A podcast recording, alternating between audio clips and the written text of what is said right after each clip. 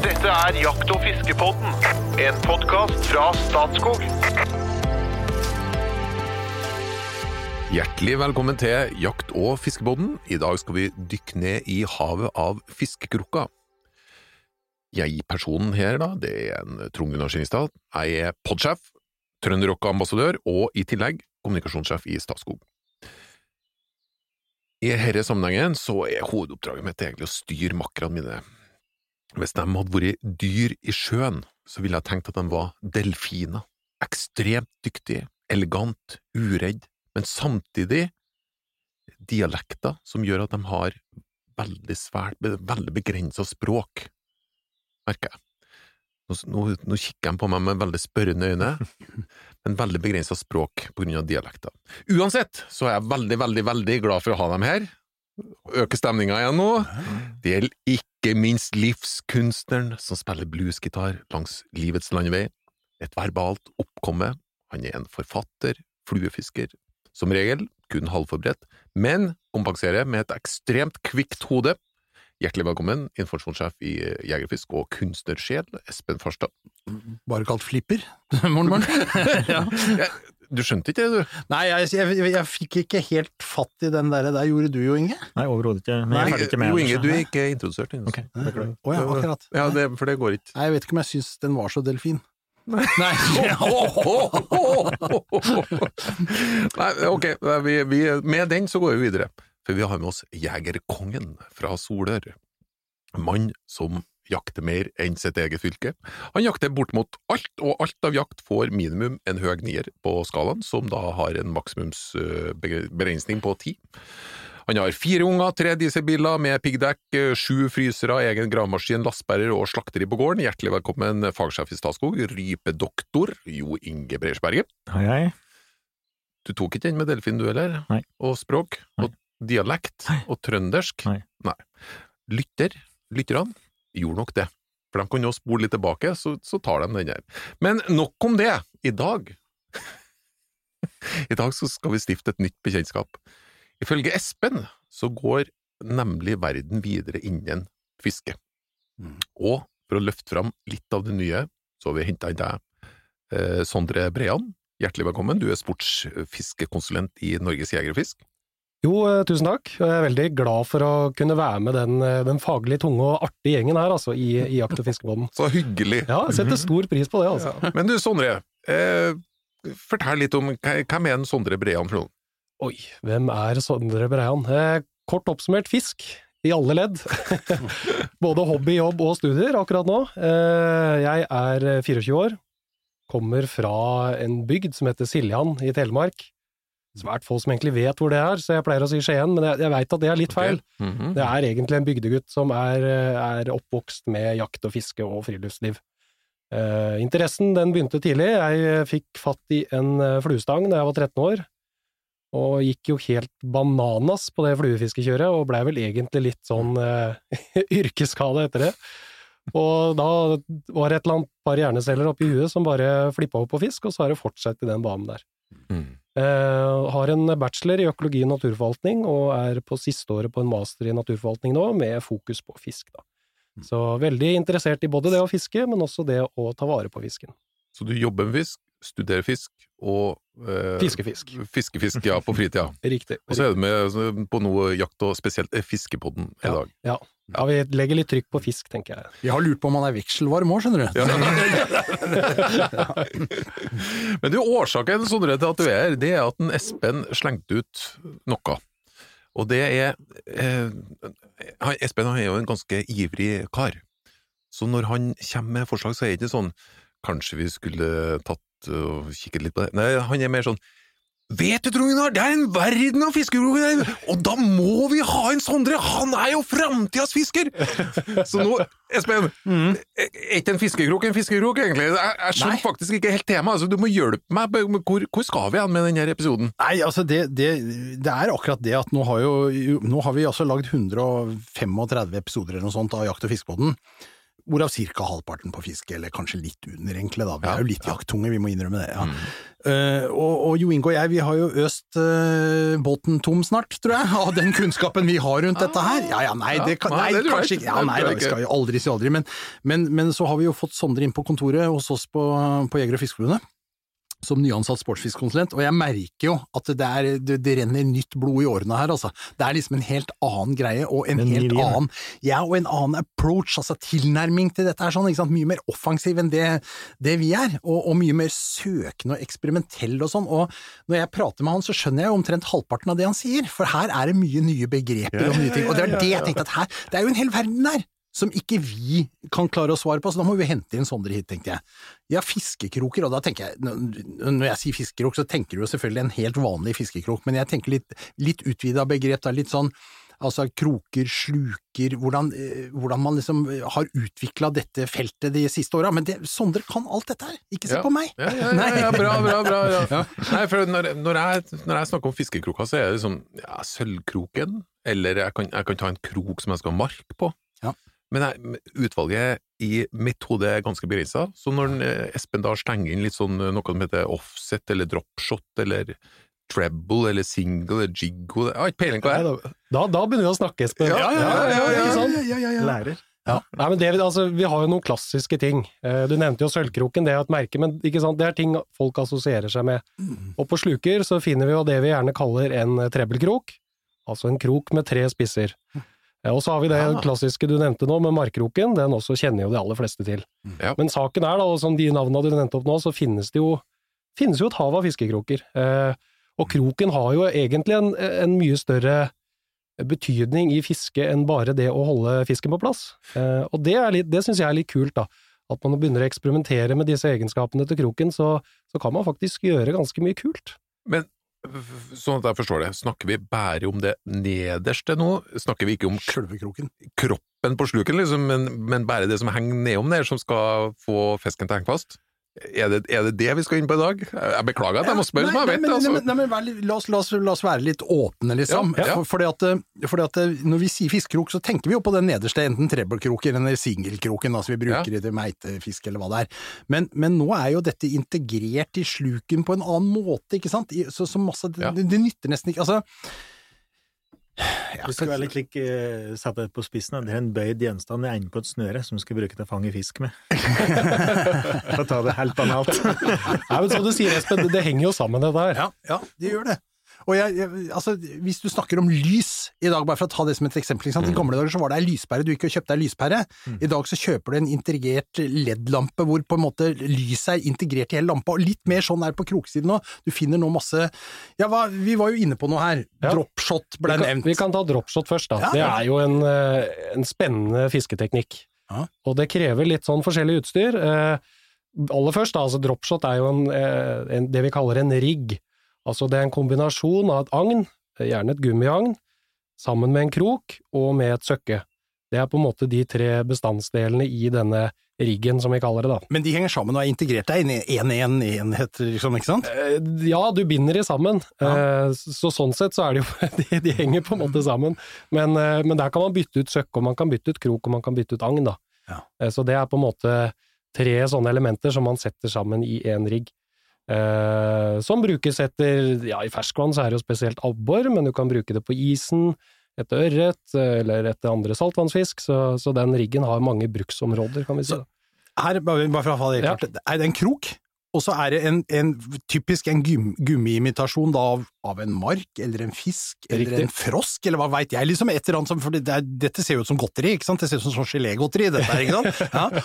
og så har du et søkke som da er tilpassa hvor du skal fiske da. Ja, vi kan, vi kan jo gå gjennom veldig kjapt, da, Ja. for, å, for å ta det som et eksempel. Eh, Dropshot-riggen det er gjerne at du har en senestump med monofilament eller fluorkarbon.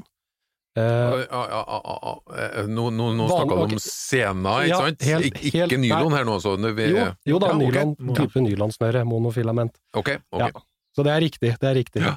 Eh, den knyttes fast i en krok, gjerne en litt mindre enkeltkrok, mm. uh, som skal stå eh, vertika nei, horisontalt ut fra snøret. Det er på en måte litt av tanken. Og så huker du da en gummimark, som Espen nevnte, eller en gummifisk. Ser litt ut som en sånn der geléting du får kjøpt i godte, godtehylla. Den skal da henges på kroken, gjerne at du huker den i nesa, så henger den også horisontalt. Mm. Og ned fra kroken så binder du også en liten senestump, og så har du bly i bånn. Og det som skjer da, at blyet legger seg på bånn, og så fisker den kroken og det gummidyret, det fisker da en viss avstand over bånd, alt etter hvor langt ned du henger, henger dette søkket. Hvordan får du dette til å stå vertikalt? Nei, horisontalt? Det er en sånn liten spesialknute, det er veldig vanskelig å vise det Ja, ok, men det er en knute som styrer det, altså. Det er en knute som styrer at den kroken står rett ut, istedenfor at den henger ned langs scena. Og det, hvis dere har lyst til å lage en sånn rigg, så finnes det veldig mye bra, bra YouTube-filmer på det, altså. Og det gjør at du kan fiske over grass, for eksempel, altså blyet detter ned i gresset, men så henger den i gummifisken. Og så kan du riste litt lett på den, så henger den sånn livlig over gresset. Ja, Du det kunne for så vidt- boblene her da, som gjør at den flyter opp?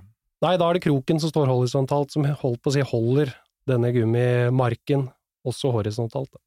Og du kan bruke, for så vidt bruke eh, naturlig mark også? Absolutt, naturlig mark. Du kan bruke agnfisk, altså her er muligheten uendelig, da.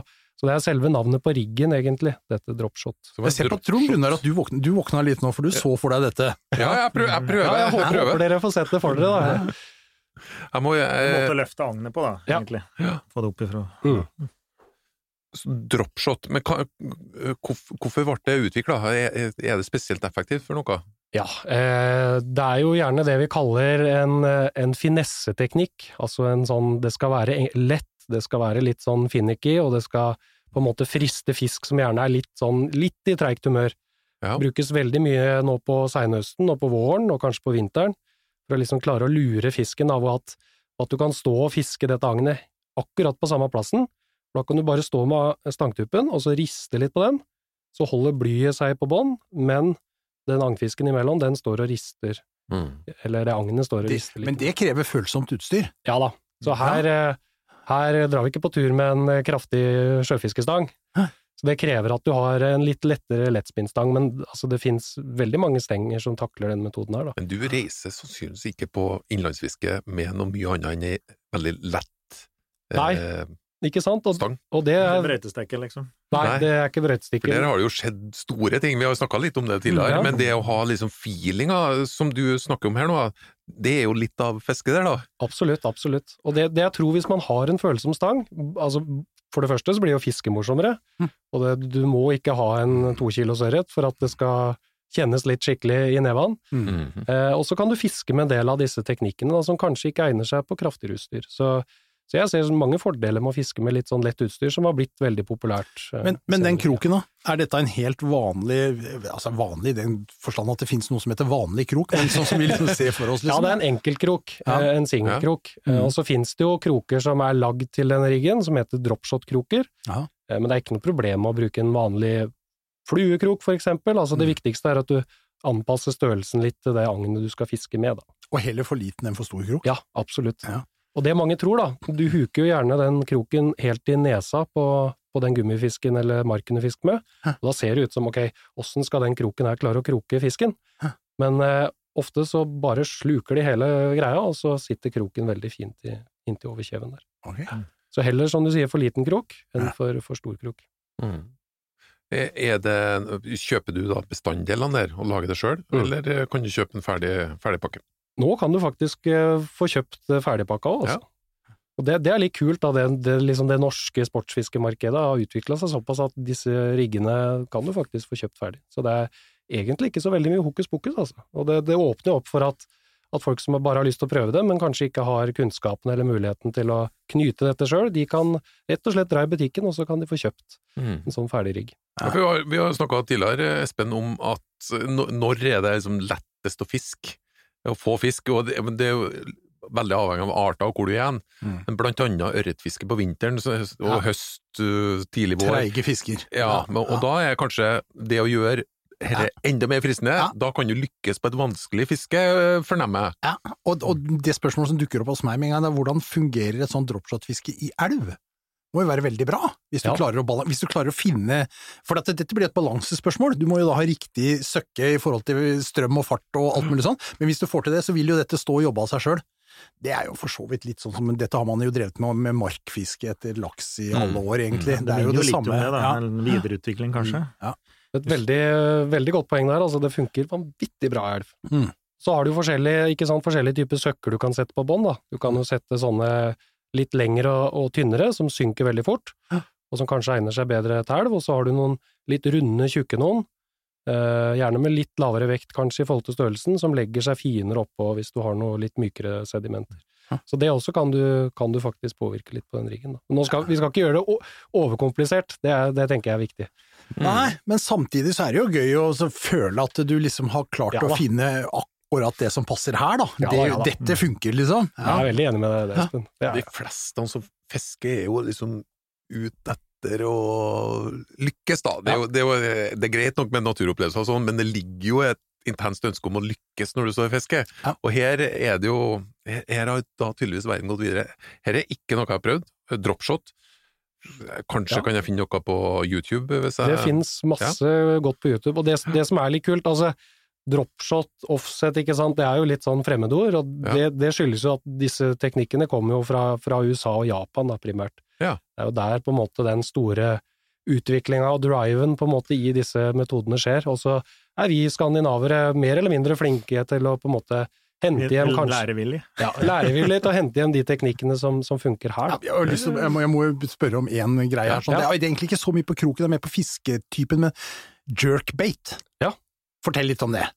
Jerkbait, ja, Ja. det kan jeg gjøre. Det er jo kort og godt en wobbler uten en styreskje. Altså, du har jo den klassiske Ja, wobbleren med den der eh, plastleppa, Ja, Ja, som, som- gjør at den wobler. som gjør at den wobbler rett og Ja. slett svømmer, og så Ja. kommer den ned på et visst dyp da, i forhold til den eh, leppa. Men en jerkbait, den har ikke den leppa. Så det du bruker da, eh, eller den kan ha leppe, men den er gjerne veldig liten. Mm. Men det du bruker da, er stanga til å sette bevegelse i dette agnet. Eh, så du, Sikksakk, for eksempel. eller? Ja, noen, det er jo litt på formen på disse jerkbaita, men gjerne så eh, bruker du stangtoppen til å rykke litt med, løfte litt med, altså skape sånne eh, eh, bevegelser i agnet, som da denne, denne wobbleren uten skje på en måte følger. Og den ser jo veldig, veldig ut som en skada fisk. Ok, det er det som er poenget. Det er poenget, å Ja. skape sånne uforutsigbare bevegelser, da. Men så kan man stille seg spørsmålet hvorfor skal vi drive med Du har jo en wobbler som wobler gjennom Ja, ja, ja, ja. Hvorfor skal Jo, Ja. fordi at veldig ofte, så hvis jeg har forstått det riktig, så, så brukes jo dette for eksempel på gjeddefiske. Ja, riktig. Ikke sant? Og, den, og, og dette kan du da bruke nesten i flytende form, Mm. ikke sant? Så den driver og skvaler bortover i vannet på, i sånne sikksakk-mønster, ikke sant? Og så kommer gjedda og tar. Ja. Og du, det blir jo altså så visuelt, Ja. ikke sant? For gjedda går på i så vassføyka står, ikke sant? ja. Du, du holder jo på å gjøre i buksa, ikke sant? Når du står der med stanga og holder på med dette sånn. Og så er det også en kort og, og litt sånn kontant stang, altså du går jo liksom rett på, ikke sant? Det Ja, ja. smeller eh, Det er som å få, få et gjeddehugg rett i hånda. Altså. Ja. Det der er brutalt. Så er det, er det noe dere absolutt bør prøve, dere lyttere til våren, så er det gjeddefiske med jerkbait. Altså. Det kan være veldig effektivt òg. Ja, Men, men da må du altså investere i en kortere, stivere stang, for det du nytter ikke å ha en myk stang å drive med dette, for det, det vil ikke bli effektivt. Det er riktig. Du må ha en, ha en litt eh, kort og stiv stang. Eh, til gjedde en ganske kraftig stang, gjerne opp til 100-150 gram. Hæ? Eh, men jerkbait-fiske kan også brukes, og har blitt veldig populært til både ørret og abbor. Da. Da Mm. bruker du vanlig litt mindre wobblere, gjerne en sånn 8-10 cm. Akkurat samme prinsippet, bruker stanga til å sette bevegelsen, men da kan du jo gå ned til lettspinnutstyr for eksempel, da, med, med litt eh, rask aksjon eller litt kraftig rygg. Mm. Så fungerer det på akkurat samme måte. Ekstremt effektivt. Hva kom først, jerkbait eller wobbler? Wobbler kom først. wobbleren, ja. Ja, ja, okay. Ja, ja, ja. Den, det, vi har jo fortalt historien om Lauri fra Lauri Rappala tidligere. Det var en en strålende historie. Altså, det var det, det ja. Men, men herre, er jeg, ja, jeg, jeg, jeg må bare bore litt til. Ja, ja.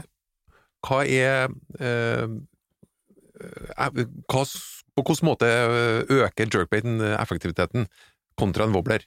Hvorfor, hvorfor oppstår behovet for en eh, jerkbait?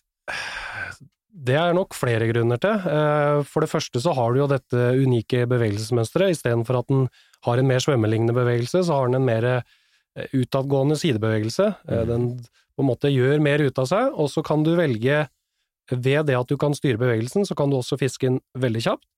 Eller så kan du fiske inn ekstremt sakte med lange pauser. Så får du kjøpt noen jerkbaits eh, som omtrent henger i vannet. Mm. Da kan du for eksempel gjøre to rykk, og så kan du la den henge der i tre, fire, fem sekunder, ikke sant? Mm. Og fisker du på våren eller på høsten når det er kaldt i vannet, så kan nettopp de der sekundene hvor den henger helt stille, i kombinasjon med de litt sånn eh, store rykka den gjør, Mm. være veldig lokkende for fisken. Jeg har en hypotese. Ja. Så apropos opp mot, eh, opp mot fluefiske. Ja. Dette blir en, en del mer aktivt fiske Ja. enn eh, Helt riktig. ja. Og visualisert fisk òg. Ja. Blitt veldig Du, populært. du ser hva som skjer, det er Mm. veldig gøy. Det er, vi gjør jo litt av det samme. Vi- Det er nesten en slags jerkbait-fiske vi driver når vi fisker med flue etter gjedde om våren. Ja, riktig. Det er litt Mm. av det samme, altså. Og her er jerkbait, det, det får man kjøpt overalt, på sportsfiskebutikker. Ja. Eller sportsbutikker, egentlig. Ja, litt sånn vel, eh, velutstyrte sportsfiskebutikker, men de finnes det jo en del av, og så har du jo nettbutikkene, så det, Ja. Ja. finnes å få tak Egne i. stenger og Ja, egne stenger og alt sånt. Og det, folk er i butikker, i- spesielt i sånne fiskebutikker, har blitt flinke på det, så de, de hjelper til altså, Ja. og veit hva du skal velge. Men da er lista tom, da er ikke noe mer nytt. Oi, jo. Oi, oi. Det er mye, og jeg har enda et spørsmål til Sondre, Ja, ja, ja, når vi snakker om krok, og det er, det er sirkelkrok. Veldig gøy okay. at du tok det opp. Ja, det må, du, det må du fortelle litt om hva er, for at jeg, Trond Gunnar vet ikke noe om dette, skjønner du. Jeg har aldri hørt. Aldri hørt. Nei, sirkelkrok er, det er en veldig spesiell krok. Altså Når du ser på den, så tenker du hvordan i huleste Ja, skal den her klare å kroke? Ja. Fordi der går eh, bortimot krokspissen eh, nesten i en sirkel, altså. Ja. og det, derav navnet en sirkelkrok. Den er, den er veldig Den er nesten rund som en sirkel. Ja. Eh, og tanken med sirkelkrok, eh, det er ikke at den kroker noe lettere enn en vanlig krok, men tanken er at med en sirkelkrok så vil du kan du på en måte bestemme litt hvor kroken skal feste seg. Eh, for med denne kroken her, eh, så tar fisken agnet, eller kroken, og så sveiver du eh, Du gir ikke noe tilslag, du sveiver ganske rolig, men konstant på, og så drar du kroken litt ut gjennom munnen, og så fester den seg gjerne fint, helt ute i, i leppa eller i munnviken.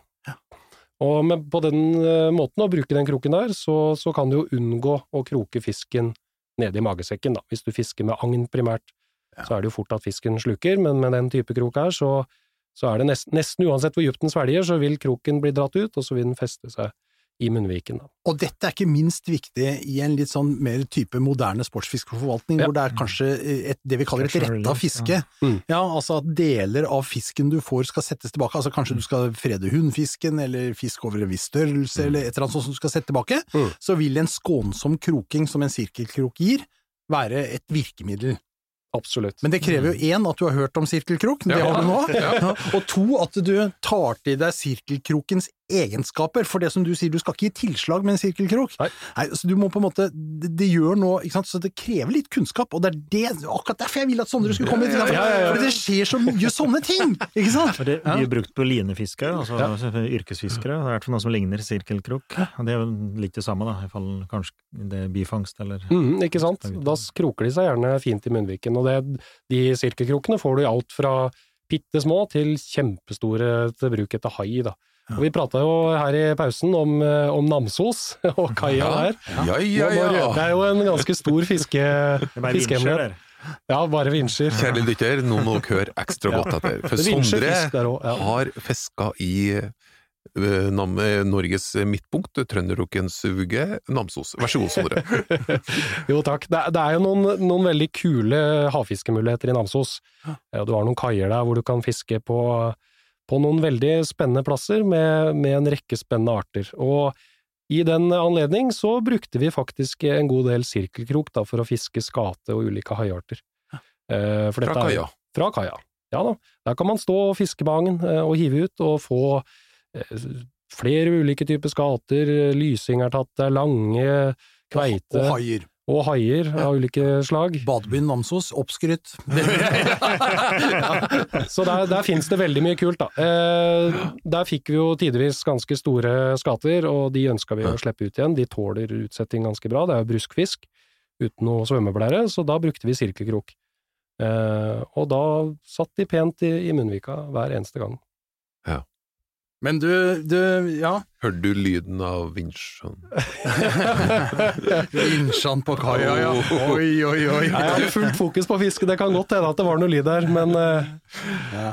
Men, men, ja. men kan du skjønne at, at folk blir litt forvirra over alt dette her sånn, og det følger jo ofte et sånn Mange steder er det jo også et regelverk knytta til det med kroker. Altså barbless eller mottakerløse kroker, det er ikke lov å bruke treblekroker, altså det er, det er blitt litt fokus på dette òg, ikke sant? Det har blitt det, altså. Og, Ja. og klart, det det setter et ekstra krav til folk, eh, som du sier, disse reglene. Eh, og det er jo, som vi nevnte her innledningsvis, det er jo et hav av fiskekroker, det er en jungel av fiskekroker, ikke sant? Ja. Her kan du gå deg skikkelig vill, eh, hvis ikke man, eh, man har, eh, har en spesifikk ting man har lyst til å, å lære seg. Så jeg skjønner absolutt det, altså. Jeg har en liten eh, limerick på det, skjønner du. Ok, Ja, ja, men! Nydelig! Skulle ikke ja. undres. ja, ja. Den heter Fiskeregler til besvær. Fordi at Har, har du lagt merke Han har en egen evne til å skape sånne Ja, apropos det jeg nettopp sa nå! Nå får jo vi se da, nei. Ja, men det for, for det, det handler om det er jo, altså mulighetene er mange, men da blir det også mer å forholde seg til. Og det gjelder kroker, og det gjelder fiskeregler, og det gjelder alt dette sånn. Så en, eh, en lovlydig sportsfisker oppå Sennalandet leste fiskeregler til han ble litt forbannet. Hvorfor så krokete lov om både krokbruk og håv når fisken allikevel må settes tilbake i vannet?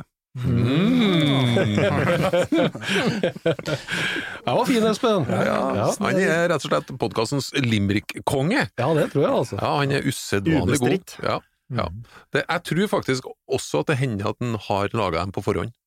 Men Av og til så føler jeg han sitter underveis, men eh, han, har, han er såpass kvikk at eh, de, de står til meget alle sammen. Meget pluss. Ekte Av og til er det en opp i S, faktisk. Men, du, men eh, siden vi var så godt i gang med litt sånn faste spalter, så ønsker jeg å ta valgets kval. Ja. For jeg har en del ord som jeg ikke skjønner på blokka mi her nå, som jeg skal spørre deg om hva i all verden det er for noe. Men kanskje forklare Sondre forskjellen på valgets kval og hot or not? Ja, Sondre, for at uh, du skal jo gjennom to, to faste spalter. Ja. Og det ene er valgets kval, og da får du to Du må gjøre et valg mellom to goder eller to onder. Ja. Eh, Du har absolutt anledning til å argumentere for valget ditt og gjøre rede for hvor krevende det er å havne på den ene eller andre sida. Hot or not? Ikke lov til å si noe annet enn hot eller not. Det har jeg skjønt. Det har jeg Ja. hørt på podkasten deres, og der skal man være kjapp, ikke sant? Ja, ja, ja, ja. Riktig det. Men nå er det da valgets kval. Spennende, ja. Og jeg er jo veldig hyggelig med gjestene, så du skal få lov til å se det sist. Så du, du får litt betenkningstid. Ja. Espen først, Jo Inge nummer to. Minst, minst hyggelig mot meg som handler om det. Det han Du har et så kvikt hode du, Espen, så det er derfor du kan ta det først. Oh, ja. Gullkort på SAS eller kvantumsrabatt på McDonald's? Nei, kvantumsrabatt på McDonald's, tror jeg. Ja, Kvantumsrabatt på McDonald's. Da. Jeg tar, det, jeg tar det samme som de to foregående, altså. Ja, ok. Det er McDonald's, gutta. Den er grei. Torskefiske i Lofoten eller kveitefiske i Finnmark? Ja, det blir kveitefiske i Finnmark. Det er, det, for det, ja, det er jo også Det er jo Det er en høg tier, det, Jo Inge. Ja. Ja. Ja, med alt. Jeg har kveitefiske, faktisk. Jeg har prøvd i Lofoten, men jeg har ikke vært på kveitefiske i Finnmark. Apropos. Å nei? Nei? Det kunne jeg tenkt meg. Ja. ja. Nå, nå, da, da blir jeg veldig enig med de to foregående her, men altså, kveitefiske, det, det henger høyt, altså. Ja. ja. Har, har du vært på kveitefiske i Finnmark? Ikke i Finnmark, eh, men eh, det er jo drømmen. Og jeg, jeg, det er planen. Det, neste år, da blir det kveitefiske. Var det mulig å få kveite fra kaia i Namsos? Ja, det ble tatt. Se der. Ja, ja, ikke sant? Ikke at jeg fikk det, men, eh, men det er kveite der. Ja. Espen, tilleggsspørsmål. Kveite i Trøndelag, betyr Tors ikke det noe torskefiske Ho, ho, ho, ho, ho. Torskefiske i Lofoten eller kveitefiske i Namsos? Nei, da, da blir det Lofoten. Det var enkelt. Ok, nummer tre. Hvem ville du helst hatt på middag? Russlands president Vladimir Putin, Kinas president Xi Jinping, USAs president Joe Biden eller skuespiller Linn Skåber? Nei, jeg tror jeg hadde valgt, eh, jeg tror jeg hadde valgt eh, Putin, jeg, altså. Ja, han, han er jo egentlig en jeger og fisker, han Han er poserer jo stadig ridende Ja, på ja, ja, ja. gjedde i venstrehånda, liksom. Ja, ja, jeg, jeg, jeg tror det kunne vært interessant. En god tolk der, så tror jeg den kvelden går, altså. Ja. Ja, verst at eh, du har jo et poeng der, da. Han er jo kanskje en av de mest innflytelsesrike, hvis vi tenker etter. Her han får, kanskje vi skulle prøve å påvirke Putin litt? Jeg tror, jeg tror det meste henter der akkurat nå. Ja, og du, tiurjakt i arkangelsk, det, Ja, for kunne, eksempel. det kunne vi tenkt oss vel. Vi kunne jo det, Ja. uten tvil. Ja, nei, vi, at vi går faktisk ved Putin. Jeg er spent på deg. Ja, for, for å ikke legge skjul på, på det òg, så det, det finnes jo enormt bra fiskeområder i Russland. Ikke minst. Klart, her har man noen Ja, er gyllen mulighet til å snike seg ikke inn på. det? Ja. Så fanken heller. Nå Jeg angrer jeg litt på at jeg tok deg sist, for du, du bare tilpasser deg noe sånn Nei, nei, nei, nei, nei, nei, Ja, Nyansatt, vet du. Jeg tenker fiske her, og det, det er et, et klart valg. Det er veldig mye bra fiske. relasjoner til Russland, ikke sant. Og så liksom helt tilfeldig sneke inn at vi kunne tenkt oss å tatt en tur, kanskje. og sett, Artig at du nevner akkurat Putin. Ja, Vladimir. Siden kona mi ikke hører på Jakt- og fiskebåten, så kan jeg åpenbart si at jeg har tatt linskåper. styggartig, faktisk. Men eh, nok om det. Jeg har eh, notert noen, noen ting her. Vi er på offset, treble, single, stinger. Ja. Eh, Og som du sa, apropos det med Japan, fluefiskeinspirasjon fra Japan er jo òg ganske sterk. Men tilbake, det her er det engelske ord. Ja. Hva i all verden betyr det? Skal vi ta en liten kort gjennomgang da, av de Ja. orda du lista opp? Hva var det første? Drop, nei, offset? Offset. Offset. Det høres ut som Eh, et trykkeri, men eh, det er rett og slett altså Hvis du søker den opp på, Google, så er det en, det er en spesiell krok. altså. Den ser egentlig ikke ut som, som noen annen krok. Det er en singelkrok. Den har én spiss, men den er forma og lagd slik at du kan fiske gummiagn, primært, gjennom grass og stokker og ting du kan sette deg fast i, Ah. uten å sette deg fast. Så tanken med den kroken her, eh, det er at du, du, du setter på et gummiagn, og så er den lagd slik at krokspissen eh, holdt på å si, blir felt ned i ryggen da, på dette gummiagnet. tror jeg greier å se for meg, faktisk. Gjør du det? Ja, Ja. men det er veldig bra. Fordi krokøyet og spissen er på, er på samme høyde. På en vanlig enkeltkrok så har du jo krokøyet eh, et godt stykke fra krokspissen, eh, så det gir en krokbøy, som vi kaller det da. Men altså, dette er jo ikke noe nytt. Nei da. Dette nei da. har jo altså, Jo Inge, Toby Vass, Vass. husker du? Ikke sant? Vi hadde jo flere sånne Det gikk an å sette deg fast med den, jo, i verste Jo da, fall, det, men men, allikevel. men den var jo er det en krok, eller? Ja, der, det hadde, der hadde man Vass. altså, ja, det som, altså, man lagde en del både spinnere og, og, og sluker. med krokbeskyttere. Nemlig. Det var tynne, eh, litt stive ståltrådemner som lå bak, som, som gjorde at, at alt liksom bare sklei av, men når fisken beit, da, Ja. da slo det gjennom, liksom. Ja, det er også en variant. Det er bruk med, med sånne tynne ståltråder og, og en sånn børste, eh, som fungerer på litt samme måten. Ja. Eh, Det veldig er litt det samme prinsippet, egentlig. Ja, det var det ofte Skjehaug som var bøyen, da, som satt kroken der i enden. Riktig, ja. Riktig. Og tanken her er jo på en måte å skyve unna det du eventuelt sveiver inn i, om det er grass eller kvist eller stein, Ja. Uh, uten at kroken setter seg fast. Tenk deg hvor effektivt dette er på våren når du fisker etter gjedde som står helt inne på grunna, ikke sant? Ja, ja, ja. I sivet. Du kan jo fiske gjennom sivet, på en måte. Dette er jo Det er, superinteressant, og i hvert fall på, på abbor, kanskje jeg har brukt det mest, da, da Ja. kan du fiske inni, altså inni et nedfelt tre. Ja. Og, Det er ikke nødvendigvis enkelt med vanlig treblekrok. eller andre for det her kjente jeg jo ikke til. Nei, men det er, det er spesialistgreier. liksom. Det er det som gjør at noen får fisk og andre ikke får fisk. Det, for han fisker Ja. inni det treet hvor fisken jeg, kan, jeg og kan Jeg kan komme med en veldig kort historie da, fra i våres, faktisk. Ja. Eh, selvfølgelig, på våren når isen går, så er man jo altfor gira på å komme seg ut i båt. Så jeg begynte jo sesongen uhyre tidlig, og det var to grader i vannet og grumsete. Eh, men har en sånn fast vårplass der hvor det er et, et enormt tre som ligger på en sånn fem-seks meter. Og inni der står det alltid et par store abbor. Og da setter jeg på en sånn gummifisk med en offset-krok, så kaster jeg inn i den der buska, og så gjelder det bare å stå og nappe den forsiktig ut, kan gjerne bruke fem minutter på et kast, altså. Ok. Men da, i, og i våres, så hendte det at eh, det kommer en stor abbor da inni disse kvistene og smekker tak. Og det er så kult når du kan fiske på sånne plasser, altså.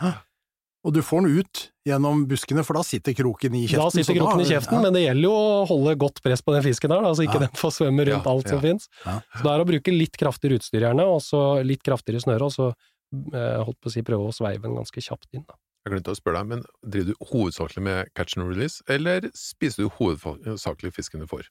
Jeg er nok litt Altså, jeg fisker jo veldig mye etter predatorfisk. Stor abbor og stor gjedde og, og stor ørret, og de har jo en del eh, miljøgifter seg, i seg, spesielt kvikksølv og tungmetaller.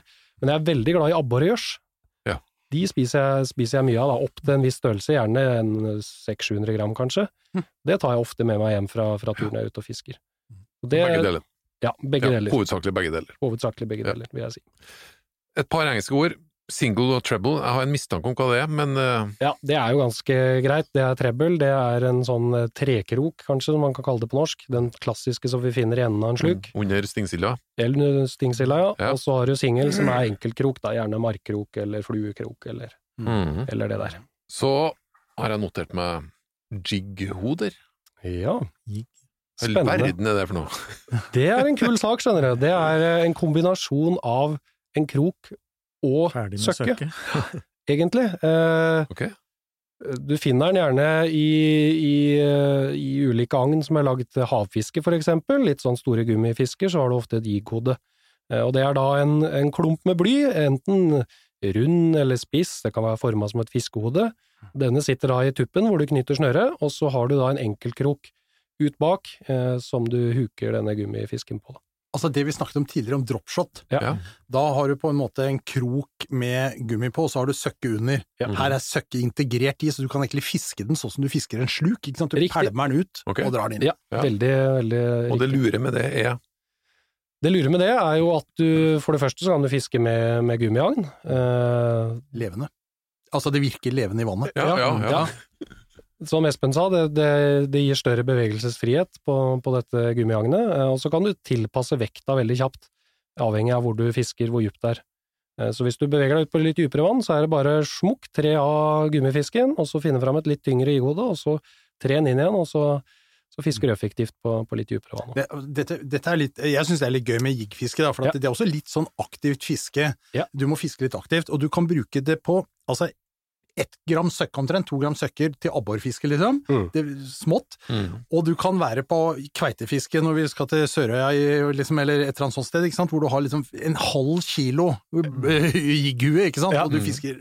Så det, det fins i alle Det er virkelig et spekter. Ja, det er et spekter. Det er veldig vanskelig å dra holdt på å si, fram, fram ett generelt igode, så der finnes det veldig mye. Og så er jo på en måte formen av det blyet eh, som henger på kroken, det avgjør jo litt hvor fort den synker, om den kanskje står oppreist fra bånn, eller om den legger seg flat, eller om den på en måte glir i vannet når du, når du slipper den ned, eller om den detter rett ned. Og så kommer hva slags, hva, slags, hva slags hale du bruker, det, eller hva slags gummi, da. Ja. Om du skal ha en curly tail, altså med en sånn krølltvist som holder Ja. på, eller om det er, hva heter det andre, spade Uh, Eh, Spade, Shadtail. ja, Mm, ja. Paddletail. Paddle, ja, den padler mer, da. Ja. Nei, det er en, dette er en hel verden, og Ja, dette er virkelig fryktelig godt butikk nå, altså. Ja, det er God jerkbait, det er jo fryktelig spennende med, med jiggfiske. Absolutt. Predator, Og det er- for eksempel stor Ja. Og shad, og shad og gummifisk og igode er jo fryktelig effektivt på nesten alt vi har av fisk. Ja. Både i havet og i ferskvann. Eh, Ja. Og veldig bra på ørret òg, altså, faktisk. Jeg hører Jeg, jeg lytter Ja. og ser at jeg Ja. må en tur innom en butikk eller to. og så er jo det er jo veldig spennende å prøve, prøve nye ting, da. Og det, jeg hører jo at det kan være ganske så effektivt. Ja, ikke sant. Altså, det jeg alltid prøver å sikte etter når jeg fisker, er jo å tilpasse meg etter forholdet, og hvor jeg fisker og hva jeg fisker etter. Og da, da er jo nettopp dette med kroker og rigger en viktig del av det, da, for å på en Mm. måte øke angsten. det- kan det komme et lite politisk innspill her? Ja. Ja. ja.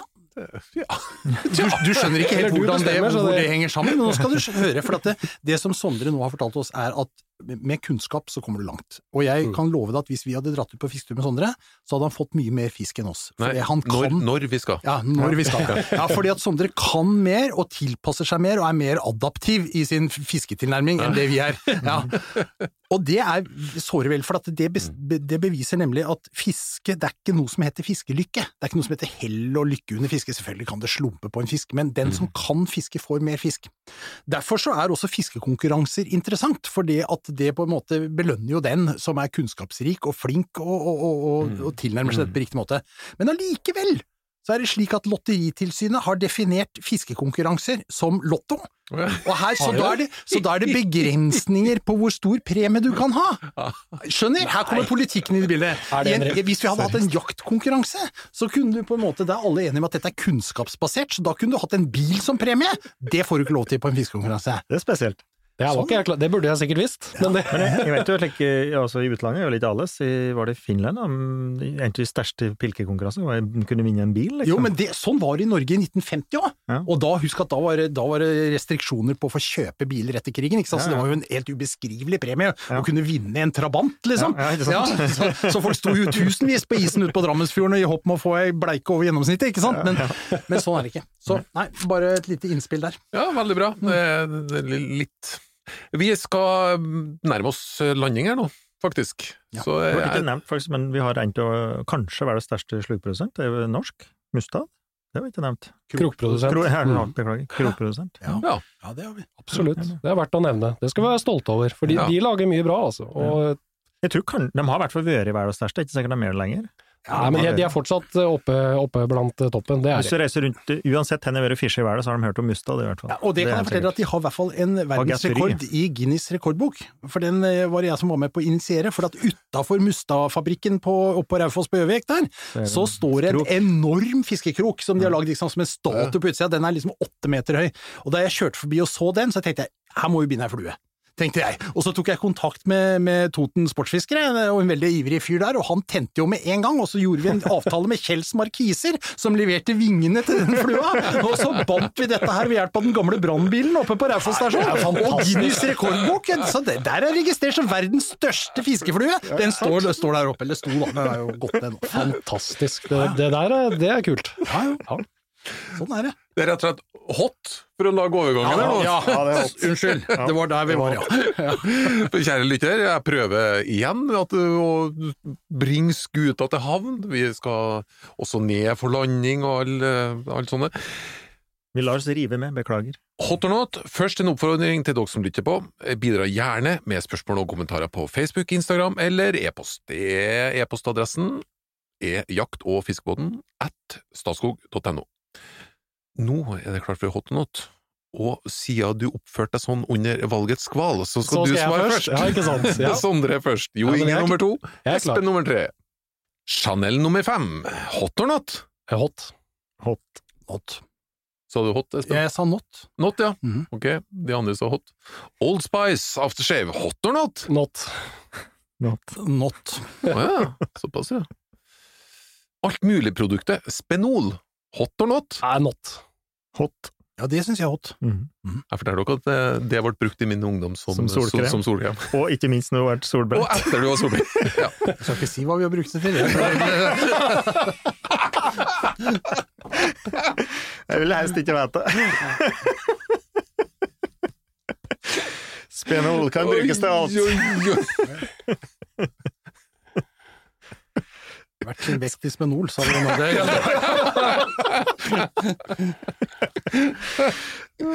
Oi, oi, oi. Nei, men da vi, vi er snart, snart klar.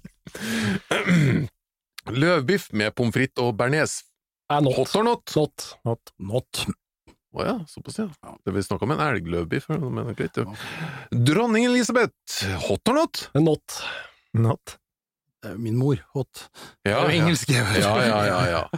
Og jeg Nå er jeg litt spent. Rein på hagla under jakt, hot or not? Som er gravert? Rein? Nei, Reim. reim. Reim, ja. Reim, Reim. Reim. Uh, f, eh, not. Not. Not. Ja! Og da skal vi begli inn i fellesskap om noe som er veldig, veldig positivt. Fra Askild Holm-albumet Ei ny tid, låta Det blir ikke noe fest uten skinnvest. Hot or not? Hot. Ja!